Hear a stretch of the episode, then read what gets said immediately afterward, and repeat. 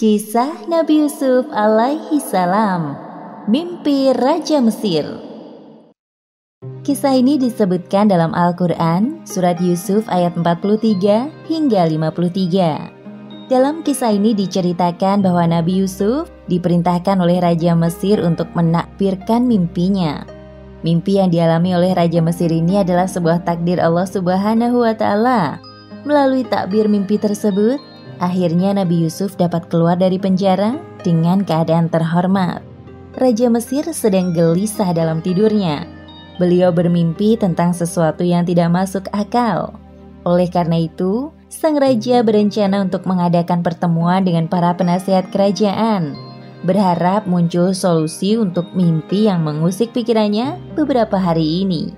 Keesokan harinya, penasihat kerajaan datang bersama paranormal dan ahli ramal. Maaf ya mulia, kalau saya lancang mendahului, apakah engkau sedang sakit?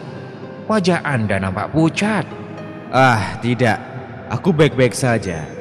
Hanya saja banyak yang sedang aku pikirkan. Makanya, aku memanggil kalian semua ke istana. Ahli ramal yang ada di sana mencoba mengambil hati sang raja dengan menerka-nerka apa yang sedang terjadi. Apakah ini terkait mimpi, wahai raja? Ah, iya benar. Mimpi itu, aku baru saja mau mengatakannya. Engkau sungguh pintar menerka. Wahai raja, jika engkau menceritakan perihal mimpi itu kepada kami, niscaya kami akan berusaha mencari tabirnya.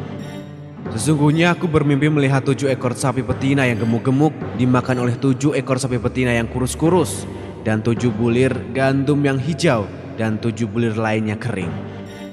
Para tamu yang hadir mendengarkan penjelasan raja dengan seksama. Setelah sekian lama berpikir, belum ada satupun kalimat keluar dari mulut mereka. Kemudian raja meneruskan penjelasannya. Hai orang-orang yang terkemuka, terangkanlah kepadaku tentang takbir mimpiku itu, jika kamu dapat menakbirkan mimpinya. Pelayan kerajaan masuk membawa minuman. Kebetulan pelayan itu adalah teman akrab Nabi Yusuf saat berada di dalam penjara. Wahai raja, saya membawa minuman yang sangat lezat. Hasil panen anggur dari perkebunan istana tadi pagi. Silahkan dinikmati, wahai raja dan tuan-tuan semua. Ah, kau datang di saat yang tepat. Wahai pelayan, mari tamu-tamuku, dicicipi minumannya. Aku tahu kalian sedang berpikir keras tentang takbir mimpiku. Sementara para tamu menikmati minuman, si pelayan mulai teringat akan janjinya dengan Nabi Yusuf. Astagfirullahaladzim, setan apa yang melupakanku tentang Yusuf? Inilah saatnya aku membalas kebaikan Nabi Yusuf. Wahai raja, itu adalah mimpi-mimpi yang kosong dan kami sekali-kali tidak tahu mentabirkan mimpi itu. Jadi, menurut kalian mimpiku itu hanya mengat tidur? Tapi kenapa aku merasa sangat yakin bahwa mimpiku itu adalah sebuah pertanda tentang negeri ini? Hmm. Semua orang yang ada di tempat itu terdiam sampai akhirnya si pelayan buka suara. Hmm, wahai raja, bolehkah saya ikut bicara dalam masalah ini? Hah? Kamu bisa menakbirkan mimpiku, wahai pelayan? Sang raja tidak menyangka bahwa pelayannya ini dapat menakbirkan mimpinya. Aku akan memberitakan kepadamu tentang orang yang pandai menakbirkan mimpi itu. Maka utuslah aku kepadanya. Kesempatan itu tidak disia-siakan oleh pelayan. Ia menceritakan secara detail tentang kepandaian Yusuf dalam menakbirkan mimpi. Baiklah kalau begitu. Sekarang juga pergilah engkau menemui Yusuf dan tanyakan kepadanya terkait takbir mimpiku. Siap, segera saya laksanakan wahai raja. Suasana di penjara. Wahai Yusuf, Nabiullah, maafkan aku baru bisa menemuimu sekarang. Ada hal penting yang ingin aku tanyakan.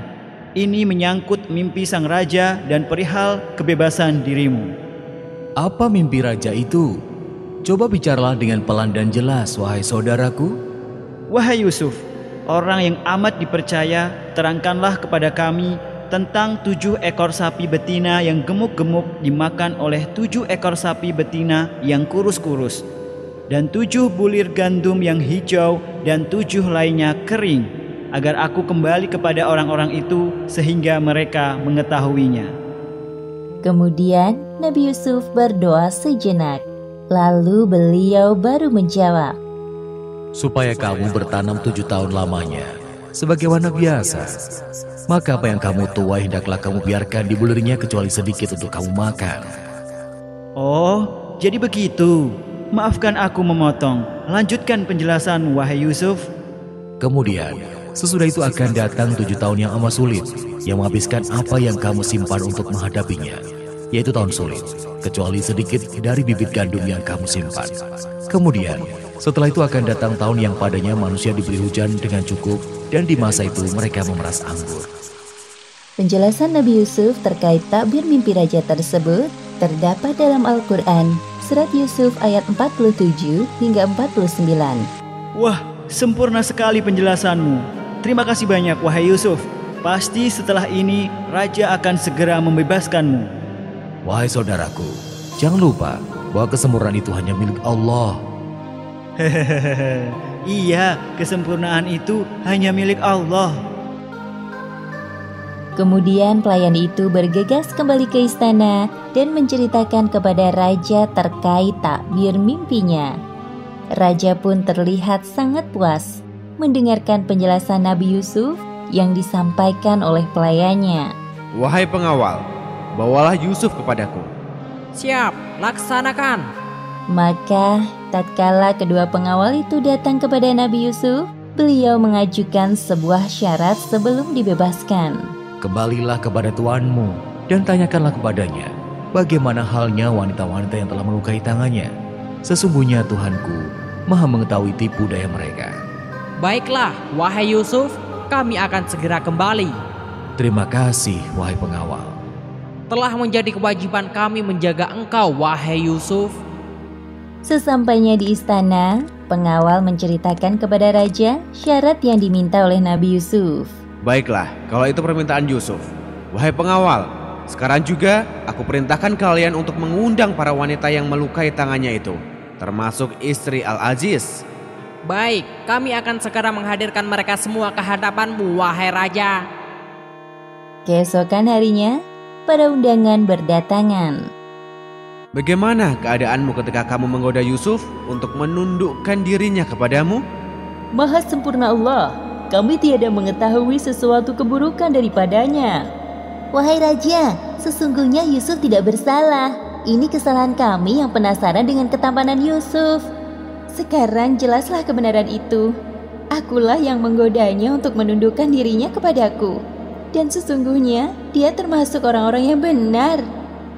Setelah mendengar penjelasan dari para wanita dan istri Al-Aziz, akhirnya sang raja membebaskan Yusuf dari penjara karena memang Nabi Yusuf terbukti tidak bersalah dan sudah saatnya menghirup udara bebas. Sebagaimana disebutkan dalam Al-Quran, Surat Yusuf ayat 53. Dan aku tidak membebaskan diriku dari kesalahan, karena sesungguhnya nafsu itu selalu menyuruh kepada kejahatan, kecuali nafsu yang diberi rahmat oleh Tuhanku. Sesungguhnya Tuhanku maha pengampun lagi maha penyayang.